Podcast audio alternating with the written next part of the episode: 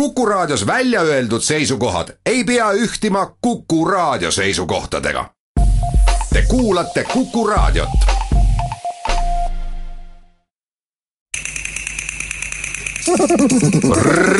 reisirada. viibi enam elektroonilise jälgimise all. Дамы и господа, просим вашего внимания. Доводим до вашего сведения, что вы больше не находитесь под электронным наблюдением. Ladies and gentlemen, your attention please. We would like to inform you that you are not anymore under electronic surveillance. see on heli, mis kõlab iga viieteist minuti tagant Tallinna kunstihoones ning annab teada, et viibite järelevalve all või siis, et enam ei viibi. reisirada suundub sel korral globaliseerunud maailma, milles järelevalvel on oluline osa üks põhjus sellist näitust teha seisneski selles, et tänase digitaliseerimise juures ei ole enam rahvuspiire. see puudutab tervet maailma üks näituse kuraatoritest, härra Bernard Serekse, on toonud Eestisse Karlsruhest näituse, mis suundub siit veel edasi seitsmesse teise linna Euroopas. Ich habe sie auch angeboten, zum Beispiel in der Türkei. Und natürlich hat man mir dort gesagt, die wollen eine solche Ausstellung nicht haben, da geht es ja um Zensur. ma pakkusin seda ka Türgile, aga seal ei soovitud sellist näitust, sest tegemist on tsensuuriga. ma oleksin seda hea meelega seal näidanud, samuti Põhja-Koreas ja Hiinas, aga nüüd on kõigepealt järjekord jõudnud Ida-Euroopasse. Und ich würde sie auch gern in Korea zeigen und in China zeigen, aber erstmal ist jetzt Osteuropa dran koostöös Goethe instituudi ja Karlsruhe meediakunstikeskusega ZKM korraldatud rahvusvaheline näitus nimega Globaalne kontroll ja tsensuur käsitleb jälgimise ja tsensuuri peatumatut tungimist meie igapäevaellu. ligi neljakümne kunstniku isiklike lugude ja kommentaaride põhjal on kokku pandud eksponaadid, mis annavad ülevaate meid ümbritsevate võimuinstantside rohkem või vähem nähtamatust vägivallast kodanike vastu.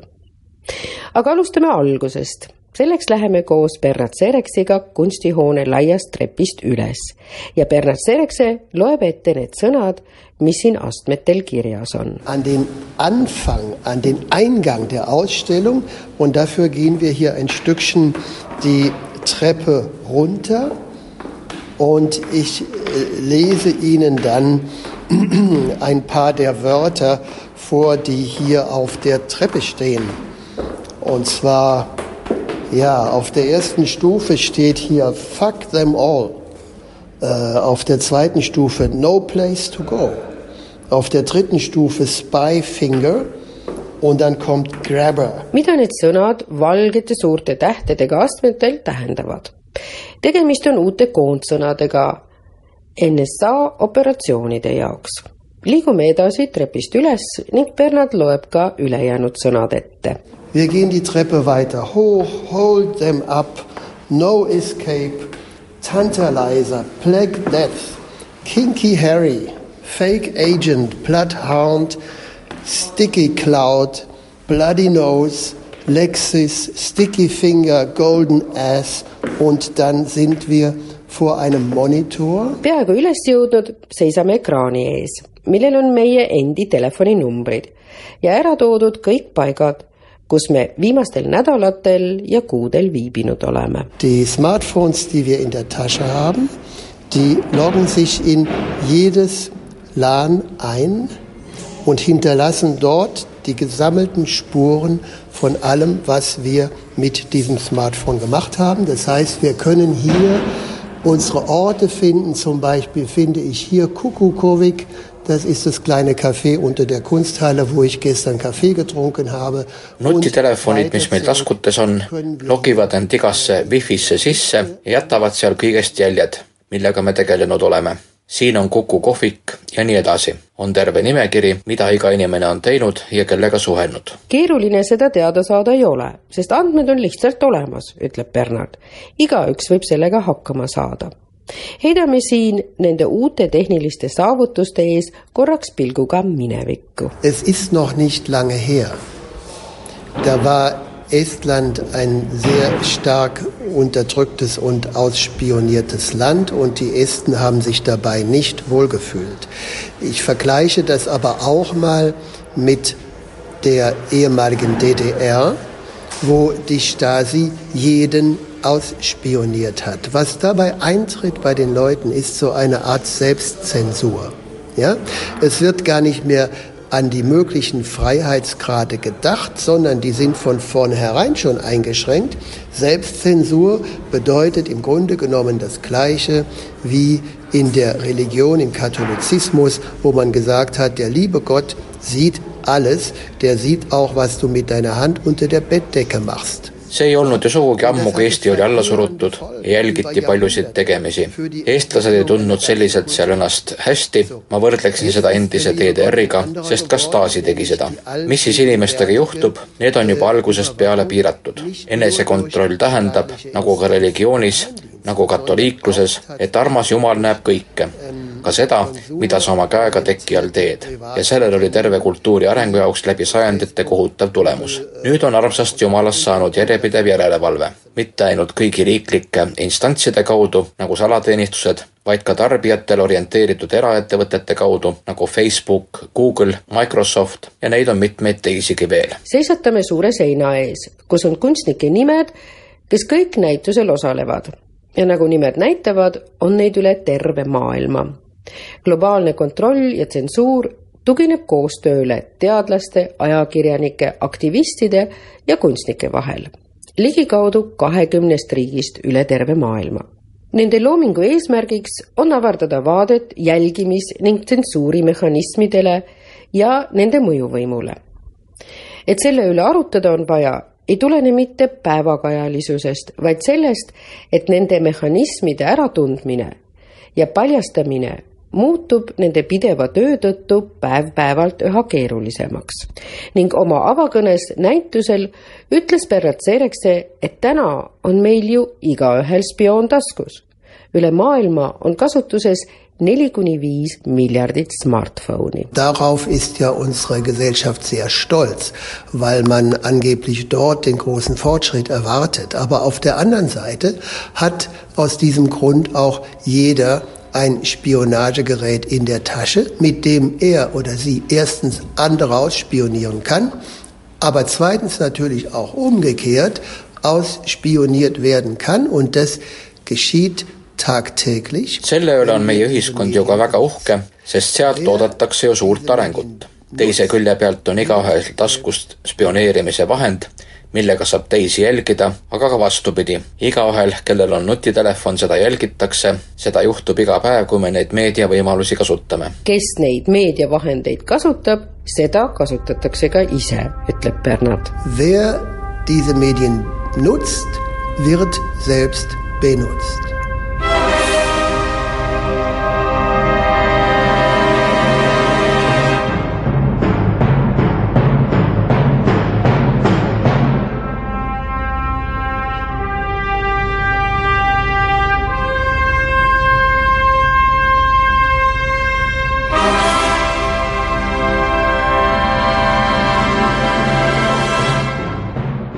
Und zwar auch in einem Sinne, der durchaus auch eine zentralisierende Wirkung hat, wenn nicht sogar eine Art totalisierende Wirkung, die man dort oftmals erkennen kann. Es wird eine Sprache gesprochen im Wesentlichen. Es wird über ein bestimmtes Medium kommuniziert. Es sind ganz bestimmte einzelne sogenannte Social Media in Benutzung in allen Ländern der Welt. Und das bedeutet auch eine Art von kultureller Gleichschaltung, die wir uns in den 70er, 80er, 90er Jahren nicht gewünscht haben. sellel on tsentraliseeritud mõju, võiks lausa öelda, et totaliseerimismõju, mida võib sellest tunnetada. üldises raamis räägitakse ühte keelt kommunitseerimine käib ka ühe konkreetse meediumi kaudu, kasutatakse üht teatud social meedia vormi üle terve maailma. see tähendab kultuurset ühtlustumist, mida me seitsmekümnendatel, kaheksakümnendatel, üheksakümnendatel aastatel ei soovinud. Milline mõju meie tänasel meediavahenditel on, sellest toob Bernhard muiates näite omaenda perest. In, in meiner Familie mit meiner geliebten Tochter, ja, die ist 37, die hat zwei Kinder, zwei Jungen, einer ist zwei, der andere ist vier. So.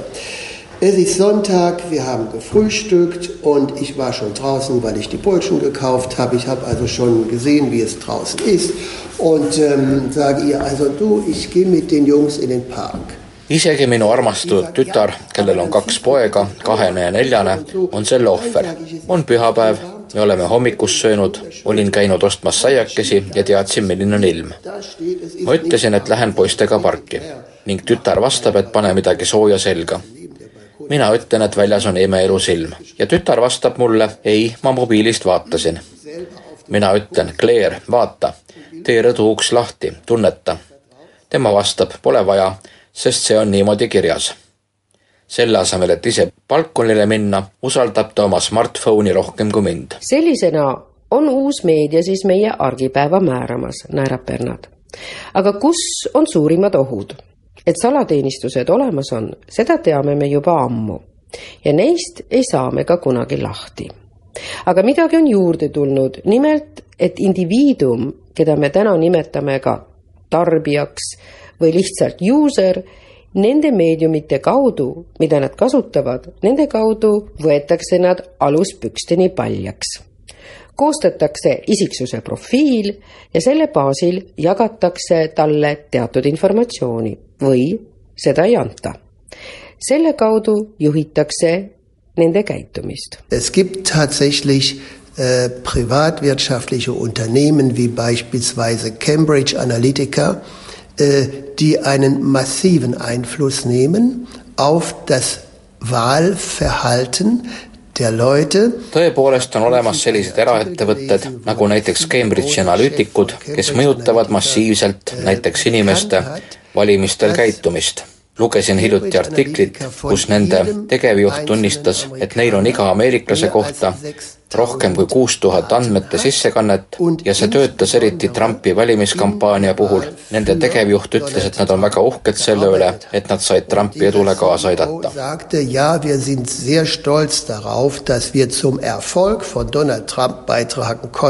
siinjuures tuleb mulle mõte kas me ei peaks mitte oma arusaamade üle demokraatiast järele mõtlema? Da frage ich mich, müssen wir unsere Einstellung zur Demokratie überdenken?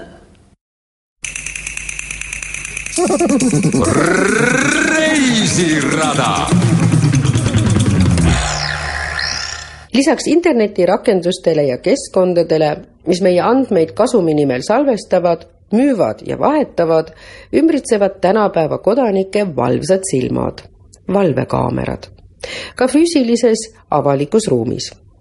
võõrale telefoninumbrile helistades võime enese teadmata sattuda pealtkuulatavate telefonide nimistusse ning nimeline või füüsiline sarnasus mõne terrorismis kahtlustatava isikuga võib tähendada puhkusereisi muutmist pikaks Ülekuulamiste ning Kinnipidamiste roduks. Gut, ja, die Frage stellt sich also doch, ob wir uns in den letzten 20 Jahren vor allem in der Benutzung digitaler Kommunikationsmedien schon so weit daran gewöhnt haben, dass wir es gar nicht mehr merken. Bernard arutab edasi selle üle, mis on toimunud viimase kahekümne aasta jooksul. kas oleme ära harjunud meie olukorraga või märkame me veel, et meid jälgitakse? või oleme juba sattunud isegi sõltuvusse? aus der Politik auch aussteigen, indem sie sagen, wir können ja sowieso nichts daran ändern. Wir sind politikmüde.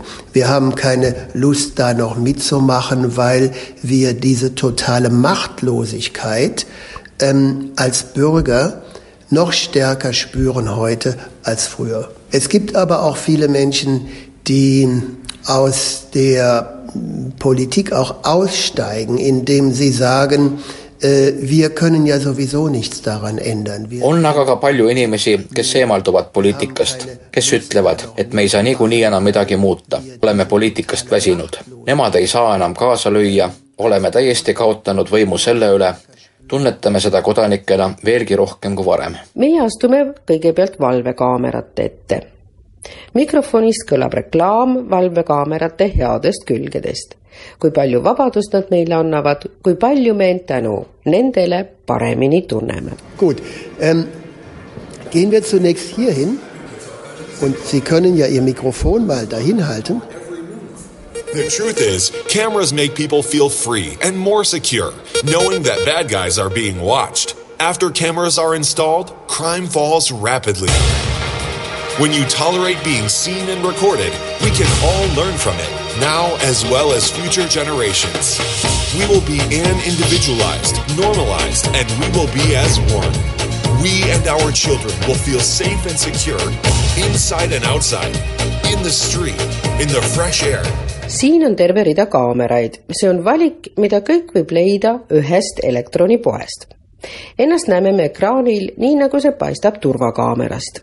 Vitriinis on välja pandud tillukesed spioneerimisinstrumendid, mida kõik saaks ühest kauplusest osta. Zum Beispiel einen Smiley, jeder kennt den Smiley, gelb, schwarze Augen, lachender Mund, mit dem man tatsächlich für 65,99 Euro sechs Stunden Video aufzeichnen kann, wenn man sich den an die Jacke steckt. näiteks on siin Smiley, kollane, mustad silmad, naerev suu, sellega saab kuuekümne viie euro üheksakümne üheksa sendi eest lindistada tervelt kuus tundi, kui oleme selle vidina kinnitanud oma jaki külge. või paistab pliiats või me näeme lihtsat kruvi, mis on tegelikult videokaamera, millel me end praegu näeme. Ja see ei maksa isegi palju, viiskümmend euri või jääb ta neljakümne ja kaheksakümne euro vahele. Ikka rohkem inimesi kasutab turvakaameraid oma isiklikus sfääris. Das kostet nicht mal viel. Es kostet nicht viel.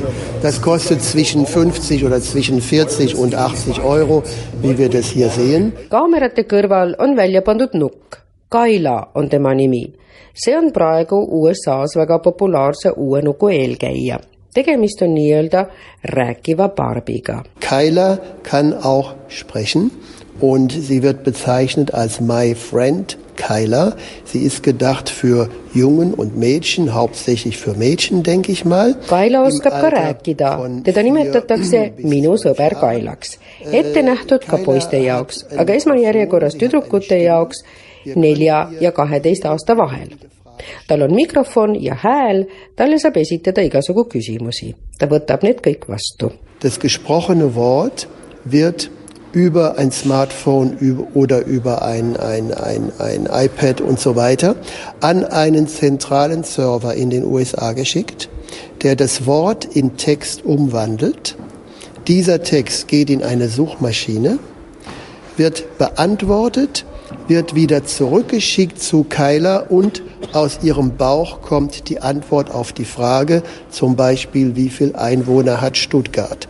Und sie wird darauf antworten. Smartphone'i või iPadi kaudu saadetakse küsimus keskserverisse USA-s. see hääl töödeldakse tekstiks ja saadetakse tagasi ning Kaila kõhust tuleb vastus, näiteks kui palju elanikke on Stuttgardis. lastele ütleb Kaila, et sa võid mulle usaldada oma kõige salajasemad saladused aga vanematele antakse samas äpp, millega nad saavad aga just nimelt neid saladusi kuulata. USA-s on see juba tava, rääkivad barbid saadab suur edu. Saksamaal, kus seda nukku ka müüdi, otsustas föderatiivkohus, et see on keelatud, sest tegemist on spionaaži instrumendiga või teisiti öelda isiklike asjade kuulamise aparaadiga ja see ei ole lubatud aga teise külje pealt kasutatakse ka seal meediavõimalusi murda sisse meie arvutitesse, et meid pealt kuulata. Keiler ist augenblicklich verboten. Äh, es wird aber sehr viele Nachfolger geben, Kinderspielzeug, so wie beispielsweise auch hier äh, die Firma Lego, den Totalüberwachungstruck äh, vermarktet. Das kann man bei Lego kaufen. Es steht da drauf, das ist für Kinder von fünf bis zwölf Jahren. Kaila on seega Saksamaal praegu keelatud. Kaila kõrvale on aga ka Saksamaal tulnud palju mänguasju, mille eesmärgiks on harjutada lapsi tekkinud olukorraga, nagu näiteks Lego vrekkad, viie kuni kaheteistaastastele õpetatakse siin, kui hea see on, et laseme ennast aina rohkem jälgida. kõige silmatorkavam eksponaat näitusel on värvikas, kümme meetrit pikk ja neli meetrit kõrge. kui lähemale astuda, näeb seal väikeseid pilte maailma eri paigust, sööke-jooke, segamini voodid see on näituse keskne kunstitöö. Die Arbeit ist von einem amerikanischen Künstler, der heißt Hassan Elahi und ähm, Elahi ist äh, kurz nach den äh, Terrorangriffen vom 11.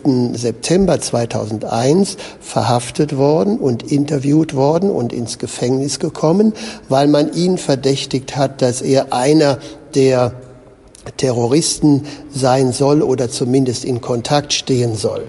Es hat sich aber sehr schnell herausgestellt, dass ähm, Hassan Elahi ein Name ist, der sehr häufig ist. Und es war einfach eine Namensverwechslung, so wie man beispielsweise in Deutschland äh, Zehntausende von Peter Müller hat oder wie man John Winston oder ähnliche in England oder im amerikanischsprachigen Raum hat. tegemist on kunstnikuga Hassan Ilahi. peale terrorirünnakuid aastal kaks tuhat üks septembris ta arreteeriti, intervjueeriti ja ta maandus vanglas sest teda kahtlustati, et ta on seotud terroristidega. aga Hassan Ilahi nimi oli lihtsalt nimede segamini ajamine, nii nagu Saksamaal on näiteks kümme tuhat Peeter Müllerit või John Winstonit Inglismaal. Hassan Ilahile öeldi, et kõik on korras, ta on ka ülikooli professor ja vabandage, see oli segadus, aga peale seda võeti ta sisemaa lennul jälle kinni ja kõik algas otsast peale. Ilahi otsustas selle peale, et ta hakkab iga päev pildistama seda, mis tema argipäevas tähtis on ja saadab iga päev CIA-le ja NSA-le need fotod, nii et nad võivad olla informeeritud kõigest tema ümber sellest tekkis kümneid tuhandeid väikseid fotosid, mis on siin seinal. Aus dieser Aktivität sind Zehntausende von kleinen Fotos entstanden, von denen wir hier einen großen Teil auf dieser Wand haben. tegemist on nagu selfidega, aga selle töö tagamaal on palju paljastavat irooniat Ilahi viib oma loominguga salateenistuste jälgimise intensiivsuse ad absurdumi ja toob kommertsiaalsete pakkujate huvid päevavalguse kätte. reisirada. Bernardiga samume me suurde saali ja seisame kahe vana monitori ees. Vision in time, it's uh... Ah, it's not just for your own safety. Oh, okay, I know the this. safety of us all. Buy surveillance cams and become part of this wise Is this a real It's a one or is it? Uh, No, It's a. it's, it's a fake one. It's something which the artist he himself has Okay. written and created, and he has a speaker, and it's very nicely made. It's uh, very believable. I mean, it's uh, scarily, scarily believable. You could see something uh, like this on the on, on I don't know evening uh, TV or something like that. Yes. So, wir stehen jetzt hier vor zwei alten Monitoren, Röhrenmonitore und auf dem linken läuft eine Arbeit des Türken Halil Altindere, äh, dessen Titel lautet Who Shot the Artist? Wir sehen hier eine Geschäftspassage in der Türkei, in Istanbul. Die Leute schauen sich die Dinge an und gucken ein bisschen kritisch und wir sehen jetzt den türkischen Künstler selbst, der uns entgegenkommt im weißen Hemd und uns etwas erzählt über den Generationenkonflikt in der türkischen Kunst und Kultur. vasakul on ühe Türgi kunstniku töö, mille nimi on Who Shot the Artist. See on Türgis ühe kaubanduskeskuse passaažis, inimesed vaatavad kriitiliselt ja me näeme kunstnikku ennast, kes tuleb meile vastu, valge särk seljas ja räägib põlvkondadevahelisest konfliktist kunstis. ta seisab täpselt selle koha peal, kus alles hiljuti lasti maha üks kunstnik teda tulistatakse filmis püstolist, mis jätab särgile värvilised jäljed, ta tuleb aga aina edasi meile vastu ja sümboliseerib nii, et ta peab vastu seisma tsensuurile. mida ta tahab öelda, küsib Bernard. me peame tõde tunnustama, me ei tohi ennast hirmutada lasta. Ja sellega ongi video läbi. Ka järgmine video on väga lühike, samuti ühe Türgi kunstniku poolt tehtud ja käsitleb väga aktuaalset teemat, assimileerimist, sellest, et praegu tuleb palju uusi inimesi eri maadest eri maadesse ja mis sellest välja võib tulla.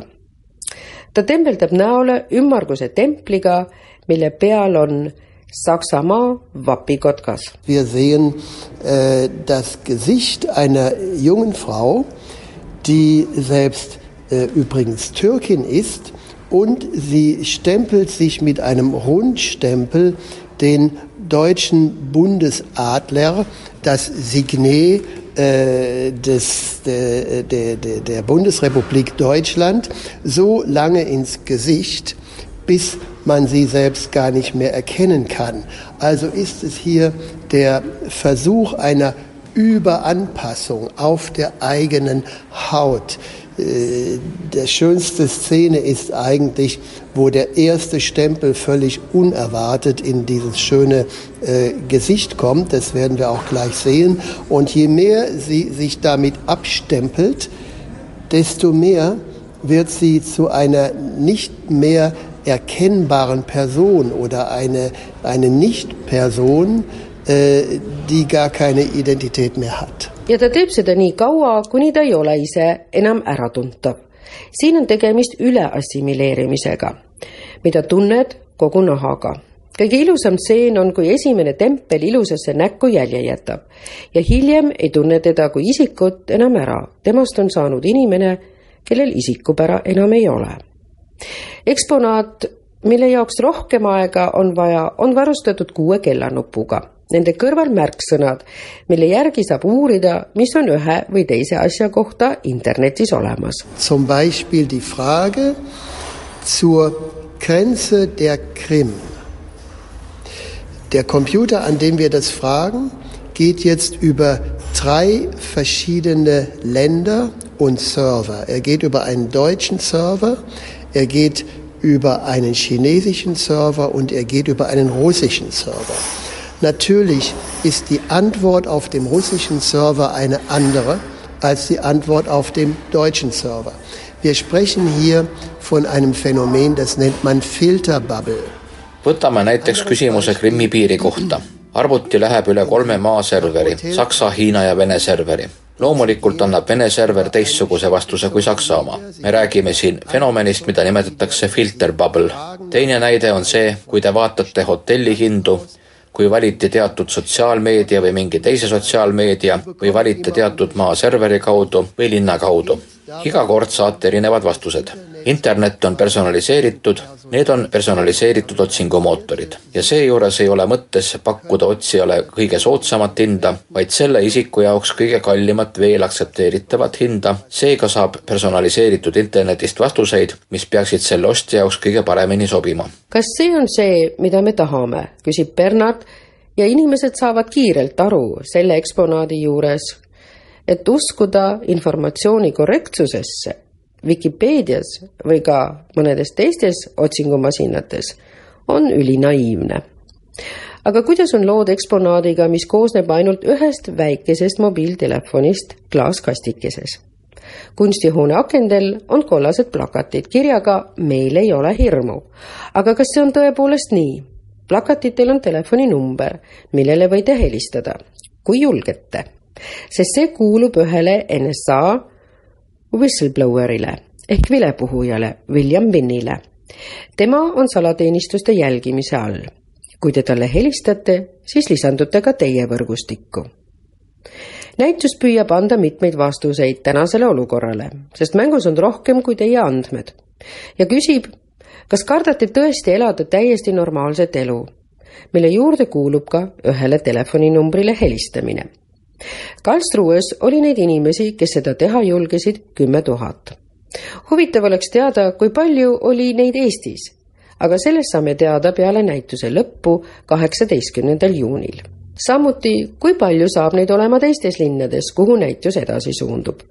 võtke kätte näitust saatev brošüür, et saaksite eksponaatidesse süveneda, sest mitte igaüks ei ole nii lihtsalt arusaadav nagu American Dream roosas. Meie suundume aga kujundatud tuppa, mis on pühendatud Edward Snowdenile, ühe prantsuse kunstniku poolt. sellesse büroosse Karlsruhes ta ka kutsuti sest näituse korraldajad on temaga pidevas ühenduses. Sehen Sie auf den Fenstern der Kunsthalle werden wir ungefähr zehn große gelbe Plakate aufhängen. Sie zeigen zum Freiheitsplatz und auf diesen Plakaten können wir lesen, wir haben keine Angst. Diese Plakate kommen in Englisch und sie kommen aber auch in estnischer Sprache. Auf der Rückseite der Plakate finden wir eine Telefonnummer eines Telefons, was auch hier in der Kunsthalle zu finden ist. Wir stehen gerade davor.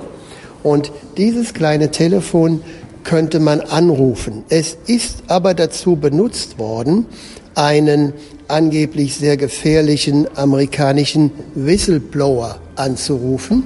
Jemanden, der mindestens so wichtig ist wie auch beispielsweise Edward Snowden. Was bedeutet es, wenn wir diese Nummer anrufen? Dann heißt es, wir sind mit einer Person verknüpft, die mit diesem Whistleblower verknüpft ist.